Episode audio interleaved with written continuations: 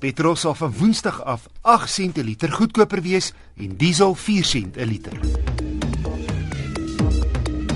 Twee briewe vandag.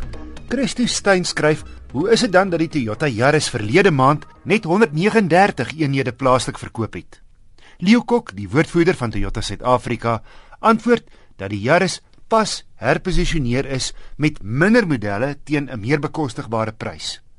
Die aantal eenhede in die voorafgaande maand was hoofsaaklik beperk tot vlootverkope, antwoord Kok. Dan skryf Philip van Duyk dat sy 1999 model Isuzu 220 petrolbakkie skielik krag verloor. As ek my voet van die petrol afhaal, skryf hy, kom dit self weer reg na 'n paar sekondes. Dan ry ek weer so ongeveer 5 km, dan maak hy weer so. Soms ry ek 200 km, dan maak hy nie so nie en loop normaal en dan weer skielik sommer net na die weg trek. En hy voeg by dat 'n hele paar goed vervang het, maar dit niks help nie. Die tegniese redakteur van die tydskrif Accelerate, Jake Venter, gee raad. Philip, ja, hierdie soort van probleem is ding wat nogal baie gebeur met die moderne elektroniese beheerde motors. Vir 'n enjin op om om korrek te loop, is daar vyf of ses verskillende sensore wat die korrekte boodskap moet gee. En as enige een van daai vyf nie die regte boodskap weergee nie, dan kan hierdie soort van ding gebeur. En ongelukkig die enigste ding wat mens kan optel is om om 'n uh, ekspert by die hand te hê wanneer die probleem opduik. Daar is geen ander manier nie. 'n uh, Ander moontlikheid ook is dat dit kan selfs iets wees wat niks te doen het met die enjin nie. Meeste van die rekenaars het so moeres waar iets verkeerd gaan met op 'n ander plek dan gee hulle vir die enjin minder krag sodat jy by die huis kan kom sonder om skade op te tel. Soos van 'n get your home moeres wat baie van die goed het. So die enigste ding wat op te tel is om 'n ekspert te kry wat hom kan toets wanneer die fout verskyn. Ek weet dit is baie frustrerend, maar dis hoe dit werk. Die meeste van die groot stede is daar mense wat rondgaan en daai hierdie soort van naspoorwerk doen. Maar uh, jy, jy hoef nie te gaan na 'n handelaar nie. Maar jy moet so iemand in die hande kry en jy toets net sy details het sodat wanneer die tyd daar is, die fout is ook daar, dan kan jy hom dadelik in die hande kry. So antwoord Jake Venter van die tydskrif Accelerate. Luisteraars kan navraag in my rig skryf na wissel@rsg.co.za. Toyota het die laaste dekades maar redelik onopwindende karre gebou. Baie betroubaar ja, maar niks wat petrolkoppe laat regop sit nie.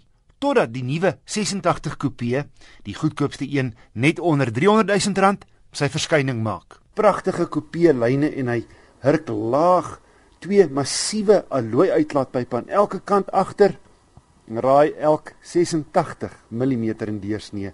Beloof baie. Dalk net te veel in terme van uit en uitversnelling.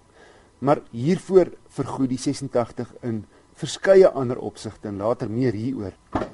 Pakplek is baie min, 'n volgrootte breë 17 duim alloy wiel, snaaks sonder enige oortreksel. Vat baie van die plek op. Jy klim laag in en sit plat op die grond soos dit 'n sportmotor betaam.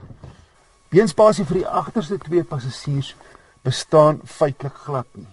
Maar voorlangs pas selfs 'n lang ou soos ek gerieflik in 'n groot toeremeter met die rooi lyn eers by 7400 oor Jersey instrumentpaneel met 'n lekker kleinerige sport stuurwiel en vasgryp sportsitplekke. So grom die 147 kW 205 Nm Subaru ontwerpte 2 liter bokser.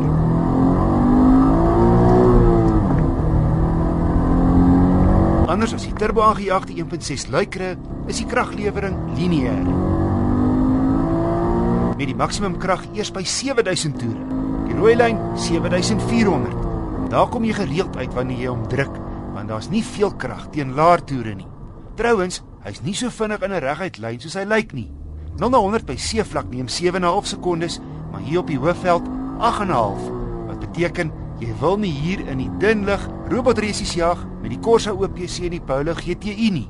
Blitsbukse wat so wat R15000 minder kos. So nie so vinnig soos jou turbo aangejaagde blitse in 'n reguit lyn nie, maar dis asof Toyota se ingenieurs 'n kar wou bou wat in alle opsigte 'n bestuurderskar is. En dit het hulle baie goed reg gekry.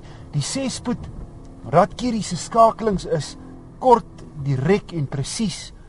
Die stuur, koppelaar en rempedaal se terugvoer is net reg. Saam met die laap dakwerk is die gewigverspreiding ideaal. en die krag loop na die agterwiele. Boonop het jy aan elke kant voor op die engine cup 'n flank, so jy weet presies waar om die Toyota te stuur. Dis nie 'n praktiese kar nie. Bly maar weg indien jy kinders het en nie die vinnigste teen die prys nie.